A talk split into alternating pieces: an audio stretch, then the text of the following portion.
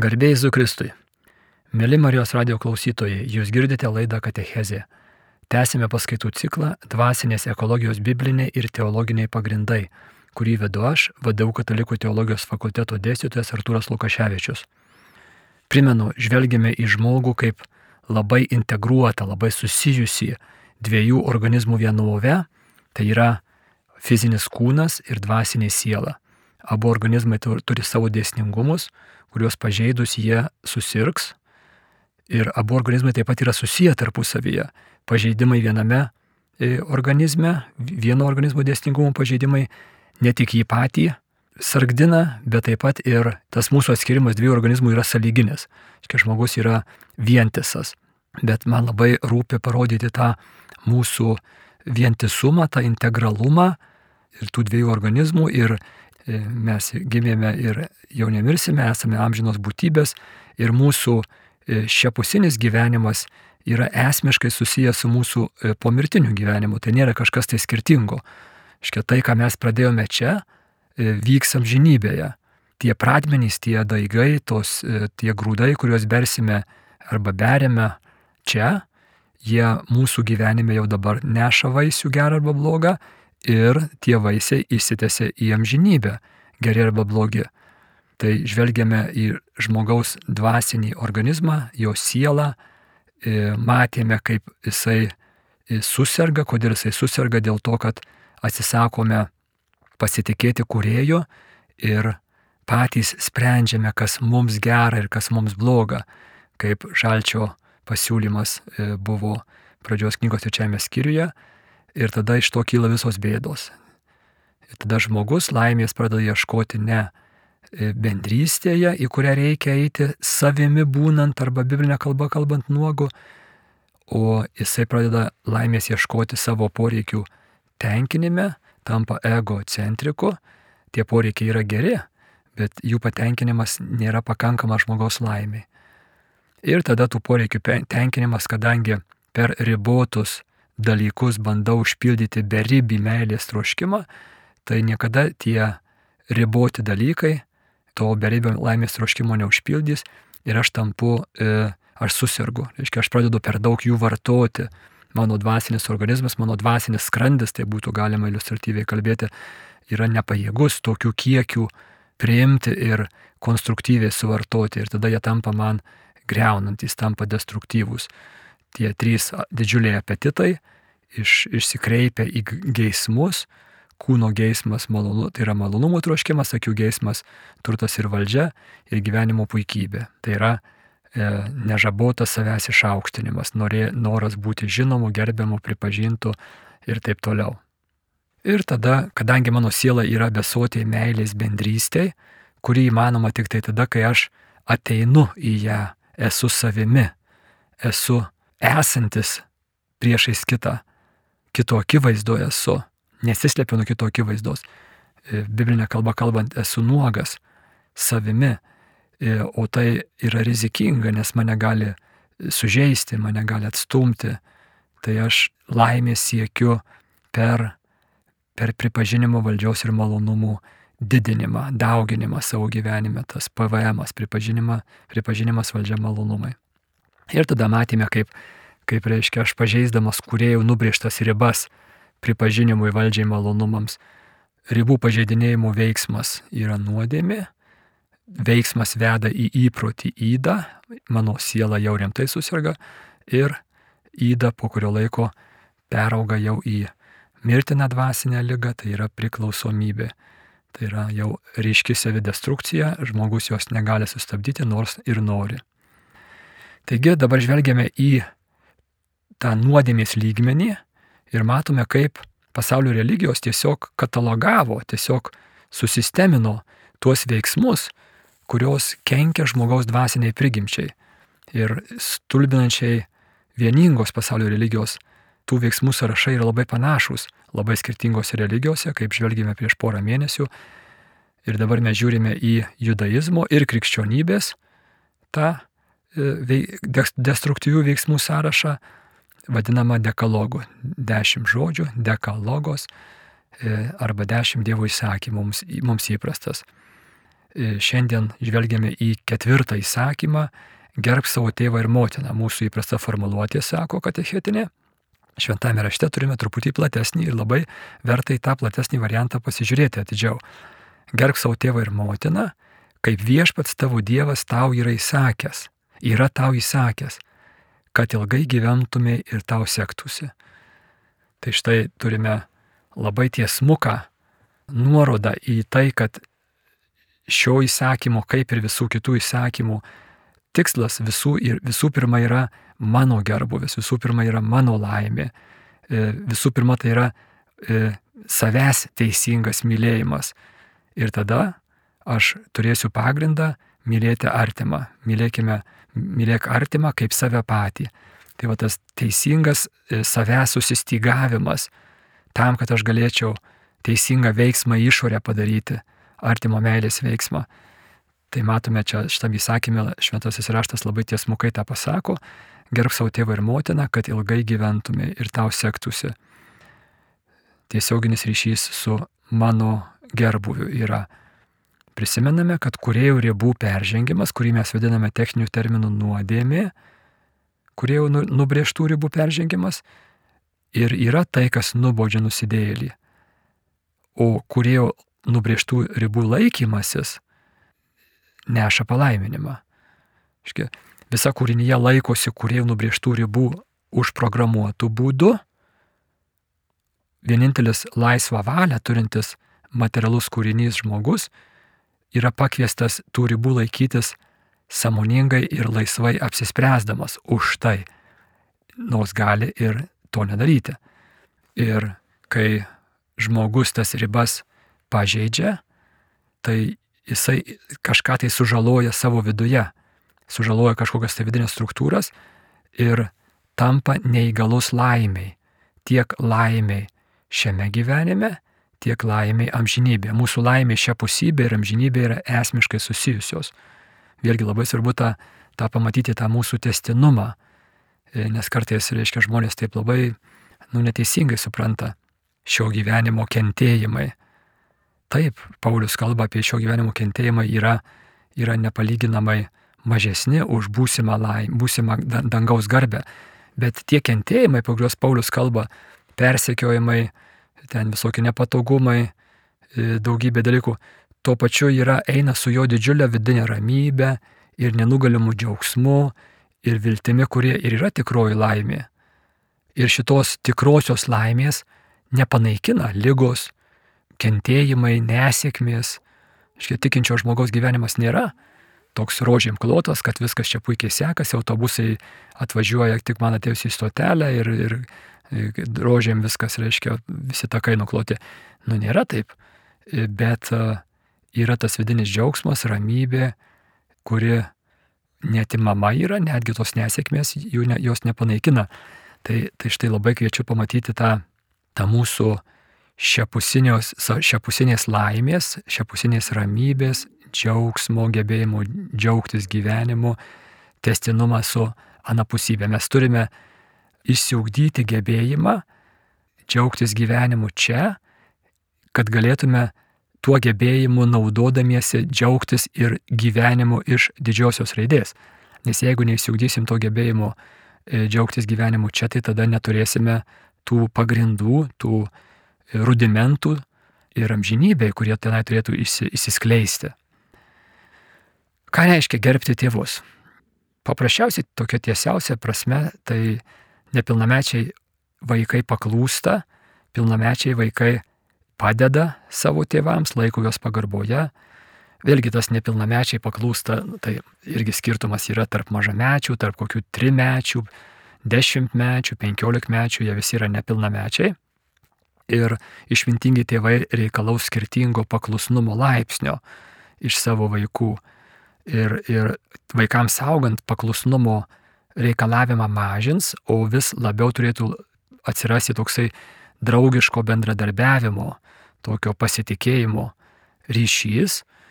Ir, ir ateina laikas, kai vaikai tampa pilnamečiais ir jie jau gali gyventi savo gyvenimą ir netgi krikščioniškai žvelgiant neprivalo paklusti savo tėvams.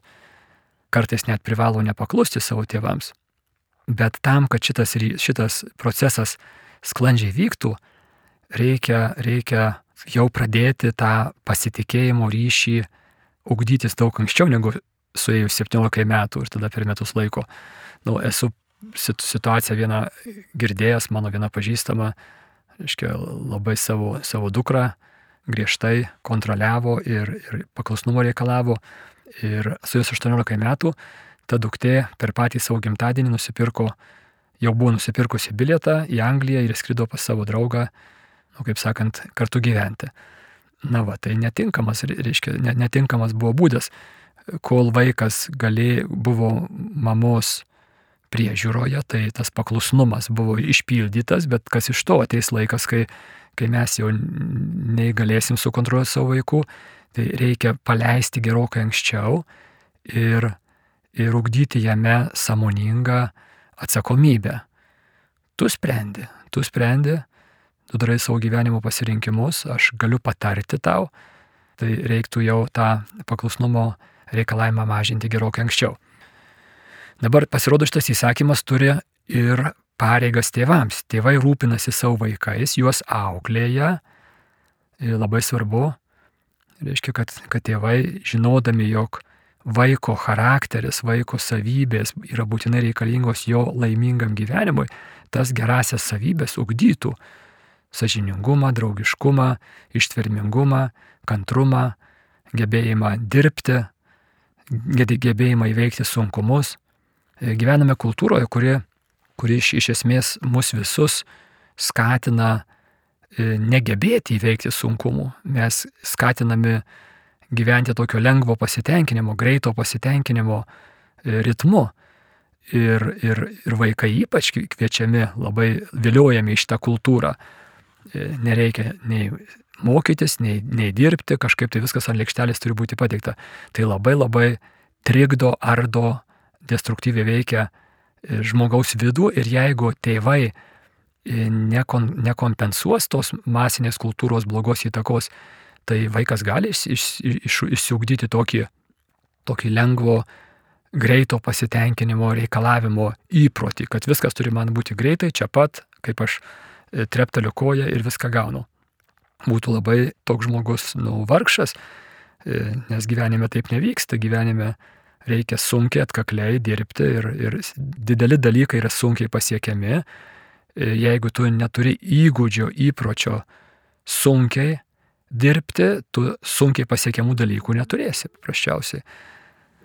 Tai mes kaip tėvai šiais laikais turim tikrai nemenką iššūkį toj masinėje greito pasitenkinimo kultūroje vis dėlto savo vaikus auklėti ir disciplinuoti ir ugdyti juose charakterį, ypač berniukai, būsimi vyrai, turi būti, mergaitės irgi, turiu ir mergaitę, ir du, du berniukus, tai, tai matau, kaip jiems reikia savaip kiekvienam, bet tas, tas reiškia tas tinkamas disciplinavimas ir, ir reiklumas auklėjant yra būtinai reikalingas.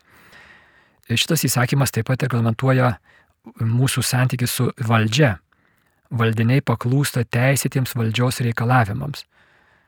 Teisėtiems, nes gali būti ir neteisėti. Pavyzdžiui, e, reiškia, sovietmečių valdžia buvo neteisėta ir tokia valdžia nėra valdžia.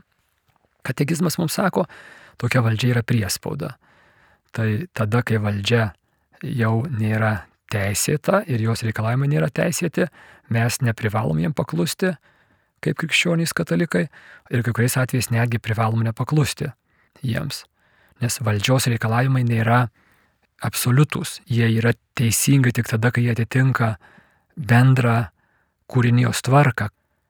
Taigi valdiniai e, paklūsta teisėtiems valdžios reikalavimams.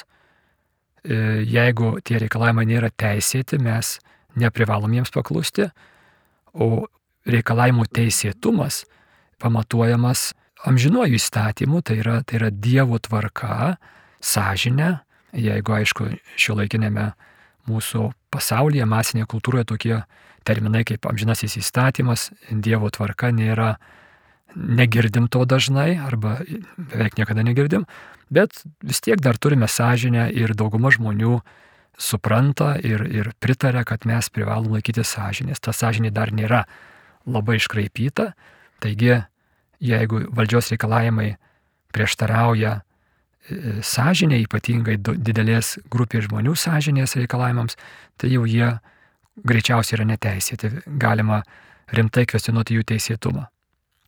Valdžios atstovai irgi turi pareigas, jie valdo tarnaudami bendrajam gėriui. E, jie valdo ne kaip despotai, bet tai yra demokratinėje visuomenėje, tai yra tarnaujanti valdžia. Tokia idėja, kiek tai įsipildo, kitas klausimas, bet idėja yra teisinga ir kai valdžios atstovai taip valdo, mes privalom jiem paklusti. Tas pats ir, ir viršininko pavaldinio santykėje, mokinio mokytojo santykiai ir panašiai. Visi tokie, reiškia, subordinariniai santykiai patenka į šito ketvirto įsakymo ribas. Dabar ką reiškia gerbti tėvus? Tai mažų mažiausiai pripažinti jų svarbą mano gyvenime, būti dėkingam, su dėkingumu pripažinti ir priimti gerus dalykus, kuriuos per tėvus gavome. Ir dažniausiai tų gerų dalykų yra labai daug. Tačiau ką daryti, kaip gerbti tėvus, yra žmonių, kurie užaugo tikrai labai baisiose sąlygose ir tėvai blogai atliko savo kaip tėvų pareigas, ar dėl kokios priklausomybės, ar, ar dėl e, psichinės negalios, ar dėl e, blogų įpročių, smurtavimas e, tikrai yra labai, labai destruktyvių situacijų. Ir dabar ar šitas įsakymas galioja ir vaikams, kurie užaugia, ypatingai užaugę vaikai, kaip jiems gerbti tokius tėvus. Pasirodo taip, jisai yra absoliutus tas įsakymas, mes privalome gerbti savo tėvus nepriklausomai nuo to, kaip jie atliko savo kaip tėvų pareigas.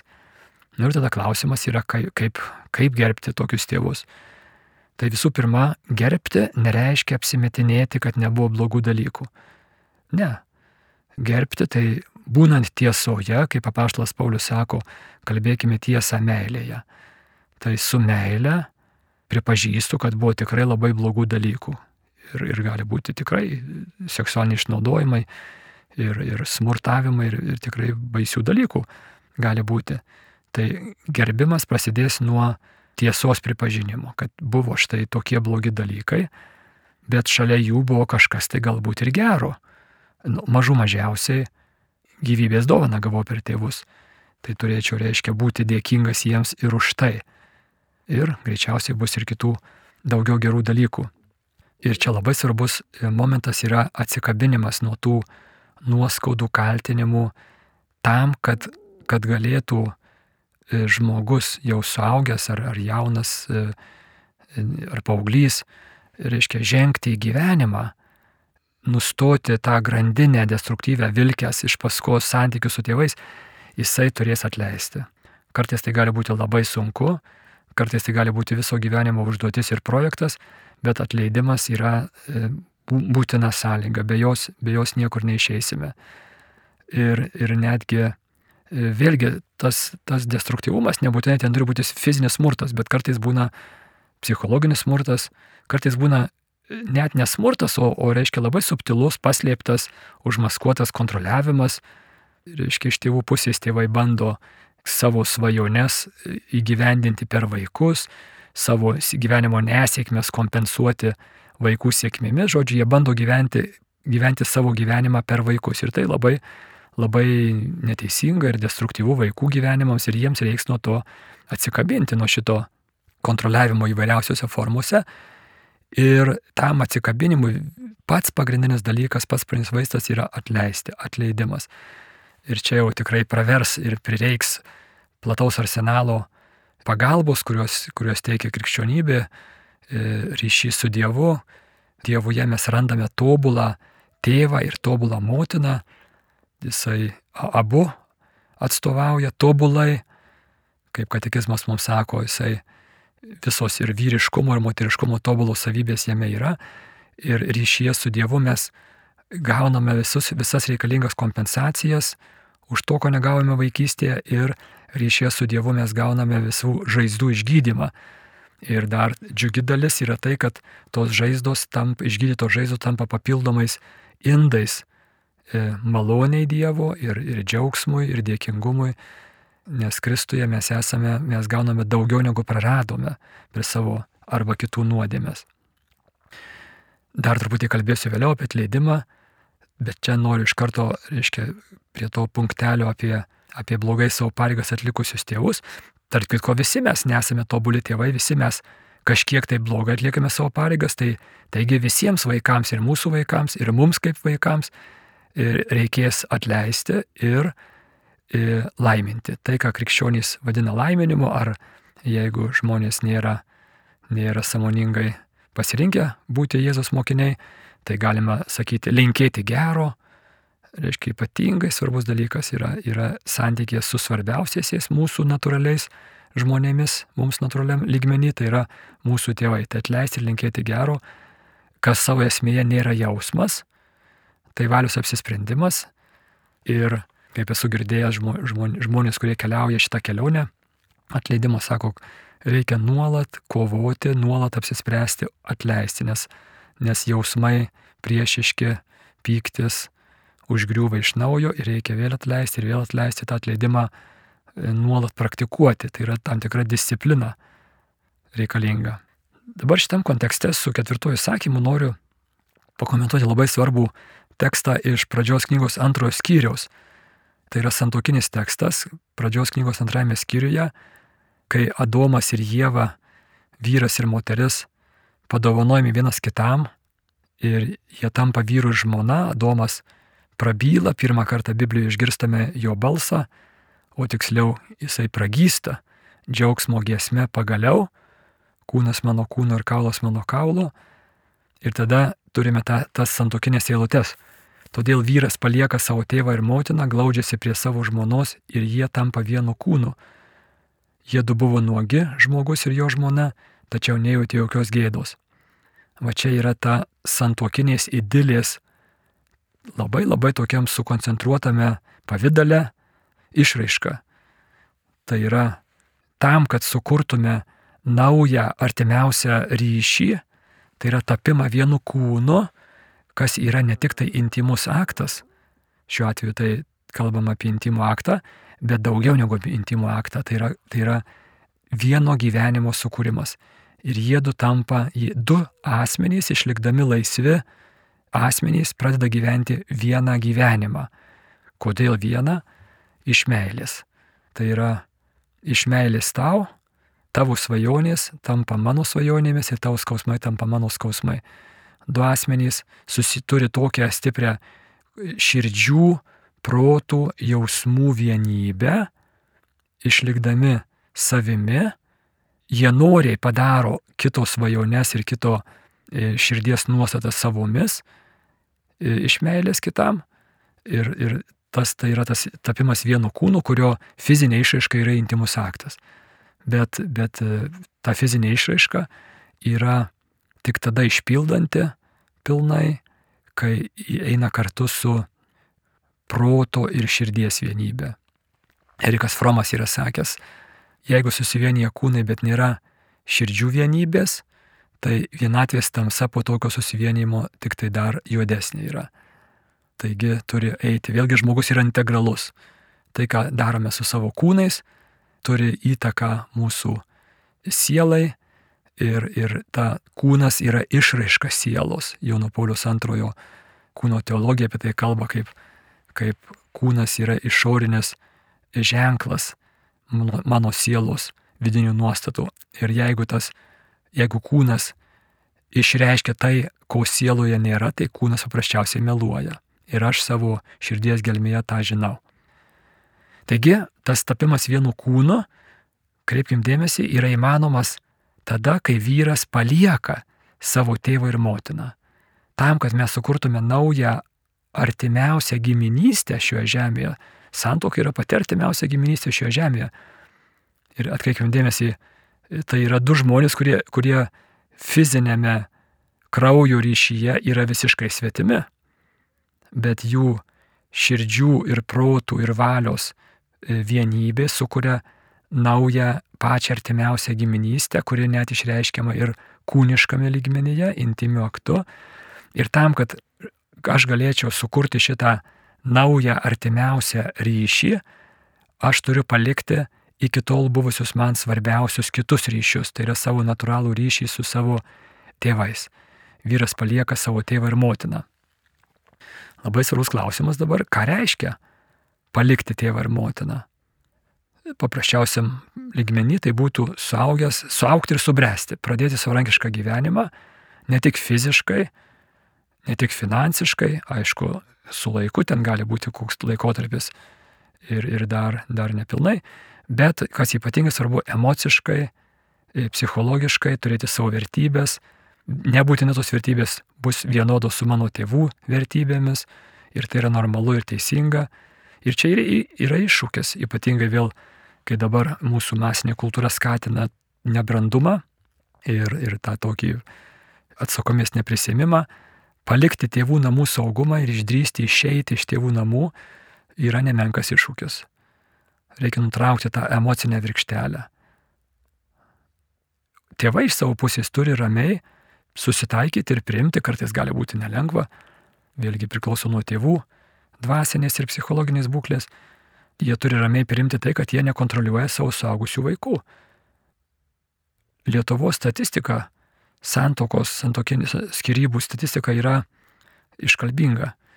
Pirmaisiais santokos metais, pirmais keliais santokos metais pagrindinė jaunų porų skirybų priežastis yra uošvių kišimasis į jaunos šeimos gyvenimą. Tai yra tas tėvų nesutikimas, kad vaikai yra savarankiški. Ir tėvai bando per daug kontroliuoti, per daug savo pretenzijomis, patarimais lenda ir, ir klausimas yra, kodėl jauna šeima tai leidžia. Svarbus klausimas yra vėlgi čia kiekviena pora turės savo istoriją ir savo, savo situaciją, bet verta kelti savo klausimą, ar nėra taip, kad kažkuris iš sutuoktinių, jaunų sutuoktinių ne, negeba teisingai palikti tėvą ir motiną. Kur vėlgi tas palikti tėvą ir motiną nereiškia, kad mes turime kažkaip tai juos atstumti, tenai pažeminti, ignoruoti, skamužius neatsakyti, ar, ar patiems neskambyti, ar nelankyti. Ne, ne, ne. Bet tai reiškia gebėjimą pradėti savo gyvenimą, nubrėžti teisingas ribas ir jų laikytis. Ir tas ribų nubrėžimas ir laikymasis reikalauja asmens brandumo ir sveikumo. Ir jeigu, pavyzdžiui, yra, vėlgi kalbėsiu, net leidimas.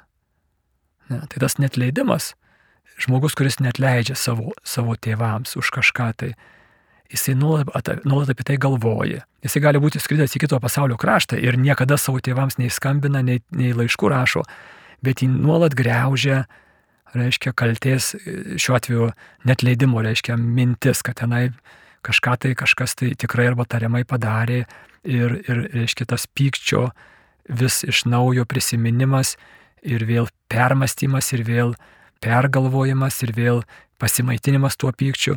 Štai ir yra tas ta virkštelė nenutraukta, kuri, kuri neleidžia niekaip išeiti iš tėvo namų. Jis tiek visi pririštas, visą laiką tuo netleidimo grandinė esi pririštas ir išeimas iš tėvo namų apsunkintas tampa labai. Reikia atleisti.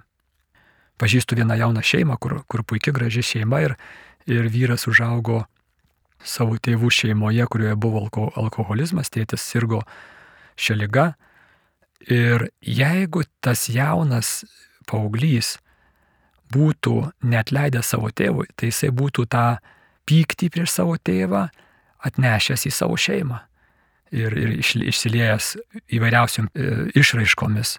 Tas e, pyktis prieš žmoną, tai gali būti ir fizinis smurtas, ir gali būti ir žodinis, psichologinis, visokiausi tylėjimai, visokiausi aužiukai, visokiausi už, užsisklendimai, užsidarimai ir taip toliau. Ir štai reiškia tam, kad ilgai gyventume ir tau sektųsi, kaip sako šventasis raštas, mes turime gerbti savo tėvą ir motiną, šiuo atveju reiškia gerbti juos, nubrėžiant teisingas ribas ir išskrendant kaip suaugęs, sveikas paukštis, įskrenda iš savo tėvų lizdo, taip ir mes turime palikti juos. Tada mes grįžtam ir skambinam ir bendraujam su jais, ne su nuoskauda, kuri nuolat velkas iš paskos, ne su kaltinimu, bet bet sveikai, iš, su džiaugsmu, su dėkingumu ir panašiai. Taigi dabar e, keletas minčių apie tai, kas, kas mus pririša prie tėvų ir trukdo juos palikti. Jau pradėjau apie tai kalbėti. Apibendrinsiu. Tam, kad mes sveikai paliktume tėvą ir motiną, reikia juos iš tikrųjų gerbti ir mylėti. Kur me, meilė nėra jausmas, bet meilė yra norėjimas kitam gero.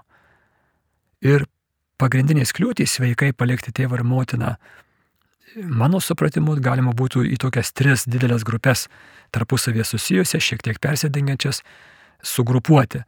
Tai pirmiausia būtų netleidimas, tada kaltinimas, artimai susijęs su netleidimu ir kaltė. Truputį kiekvienas skirai. Netleidimas yra noras kitą žmogų, ne tik tai tėvą ar motiną, bet žiūrėkit, netleidimas yra labai destruktyvus mūsų santykiams, bet net, ne tik tai santykiams, pirmiausia, jisai destruktyvus yra man pačiam nes netleidimas e, mane patį iš tam, kad aš išlaikyčiau netleidimą, aš turiu savyje kažką tai labai svarbaus sugriauti, užgneušti, neleisti savo pilnai gyventi, neleisti savo atsikvėpti. Netleidimas yra noras kitą žmogų laikyti mano skolininku.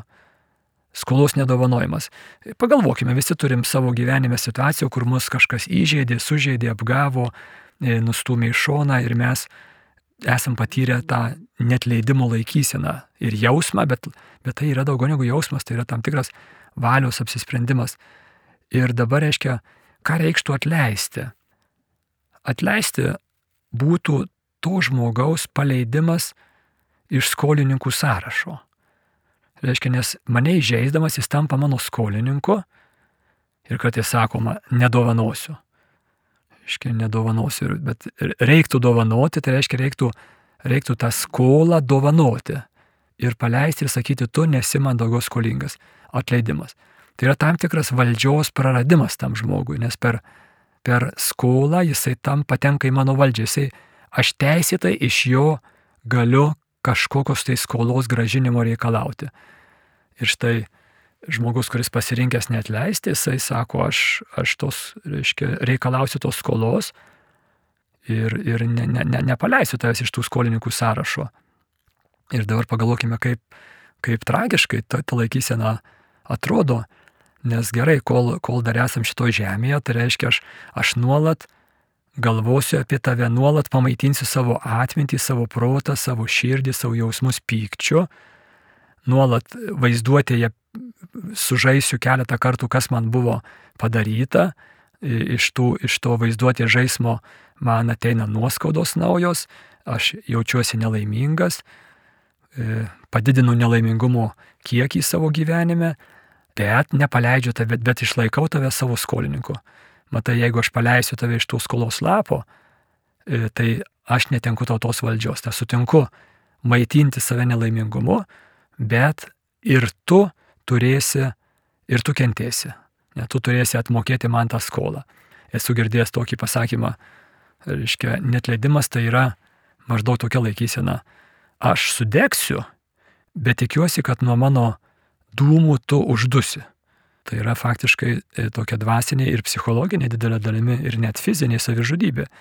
Žinoma, kad, kad netleidimas susijęs su viežiniais susirgymais. E, vėlgi, gali būti labai sunku atleisti, bet pradžia būtų nuo noro. Reiškia, žmogus turi, pirmiausia, turime norėti atleisti. Ir dabar ta laikysena, ta, ta nepaleidimo, reiškia, nuo skolos lapo laikysena, įsivaizduokime, kaip jinai atrodo amžinybėje. Tas, kuris nepaleidžia savo skolininko, savo kaltininko ir nori išlaikyti jam valdžią, kad jisai gautų atpildą e, arba šio žemėje, arba amžinybėje. Tai ką, ką tai reiškia? Tai reiškia, tu eisi už savo nusikaltimą sumokėsi ir aš prižiūrėsiu, kad tu nepabėgtum, kad tu sumokėtum, kad tu iki paskutinio cento atsiskaitytum už savo skolą man. Bet juk tai yra sutikimas eiti kartu į pragarą. Reiškia, tu, tu mokėsi už savo, savo žalą man padarytą, už savo kaltę man mokėsi, neatsiprašyta, tikriausiai, nežinia, gali būti ir atsiprašyta, bet Bet jeigu, jau, jeigu tas žmogus jau taip užsi, užsispyręs neatleisti, tai tikriausiai neatsiprašyta. Ir, reiškia, tu būsi pragare, bet o, o aš prižiūrėsiu, kad tu tą kaltę sumokėtum. net jeigu tai reikš visą amžinybę tau mokėti, aš visą amžinybę prižiūrėsiu. Nu, yra baisu, aš jau nuvedžiau iki kraštutinumo, bet pastebėkime, kad, kad net leidimas, ar tai bus tėvai, ar tai bus kiti žmonės, yra tikrai ypatingai destruktyvus. Todėl tėvė mūsų maldoje mes turime jos centre tą e, labai kietą raginimą ir griežtą nurodymą, kad mes savo netleidimu uždarome save nuo, nuo Dievo atleidimo, nuo dangaus iš esmės. Uždarome. Taigi sprendimas šitos e, bėdos netleidimo būtų atleisti. Ir čia reikės daug dirbti, yra specialios atleidimo rekolekcijos, e, atleidimas yra disciplina labai svarbi. Taigi vaistas yra, e, jis kaip ir visi tikri dalykai nėra lengvas, tai bus tam tikras kelias, tam tikra kelionė, atleidimo kelionė. Gali tęstis visą likusį gyvenimą. Iš esmės jokio skirtumo, nes mūsų gyvenimai yra labai trumpi lyginant su amžinybė. Su juo artimai susijęs yra kaltinimas. Kaltinimas truputį norėjau skirti nuo neatleidimo, nes kaltinimas e, šita prasme, kurią aš norėsiu aptarti, yra atsakomybės už savo gyvenimą ir dabartinės problemas neprisėmimas.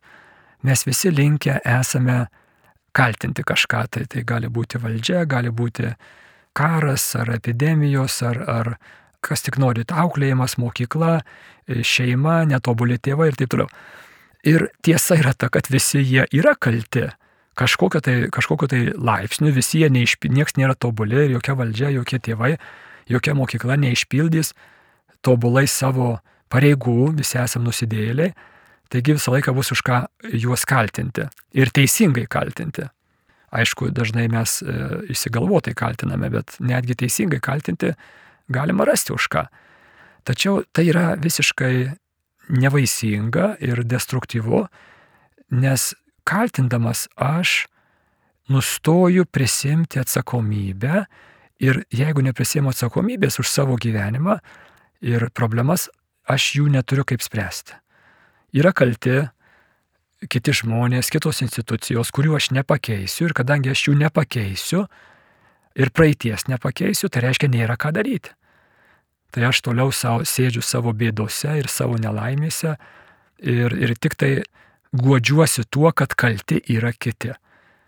Nu, menka pagoda, jeigu tai nekeičia mano dabartinės situacijos.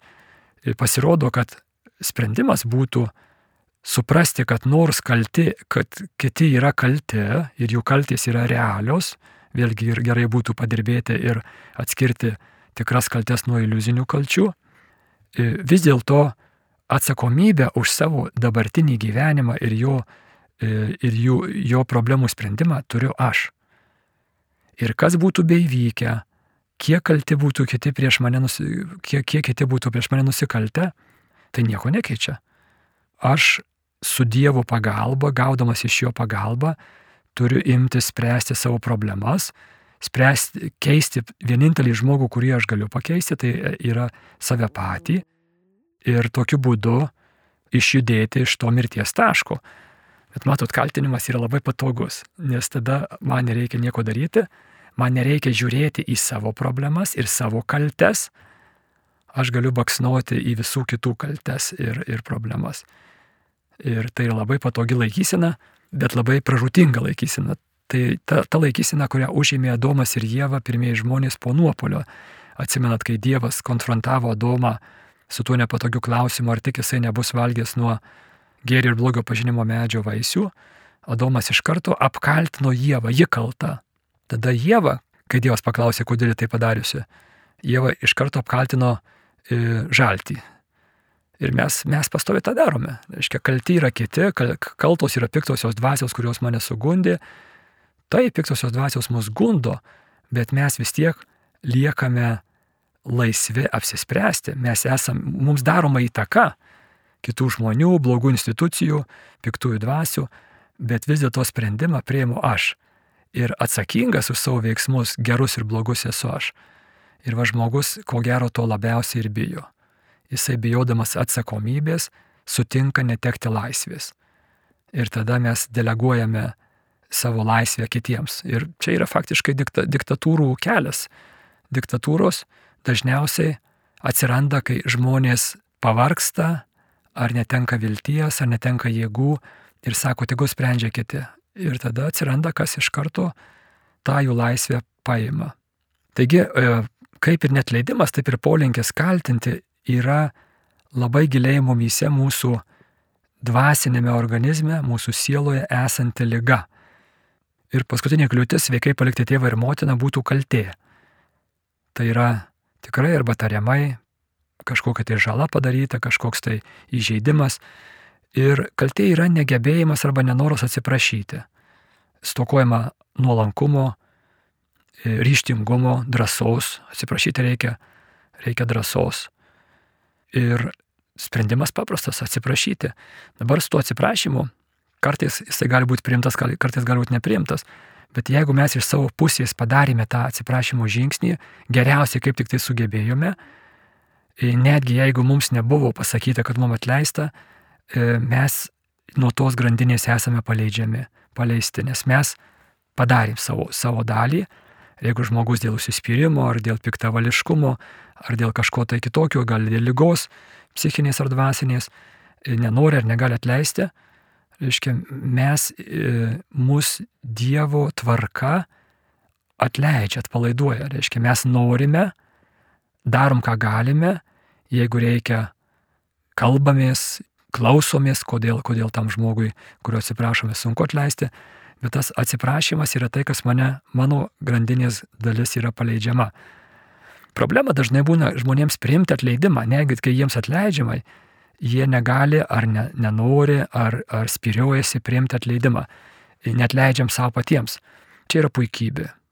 Noras būti tobuliems, nepripažinimas, kad esam netobuli, kad esam reikalingi atleidimo, tai kaltė būtų trečiasis, mano supratimu, toksai raktinis, e, raktinė problema, kurią reikia įspręsti tam, kad galėtume sveikai palikti tėvą ir motiną, ir tada galėtume glaustis, su toktiniai galėtų glaustis vienas prie kito, tai reiškia ar su, suvienyti savo, savo širdis, protus e, ir kūnus ir patirti tą bendrystę, kuri kurėjo jiems yra numatyta santokoje.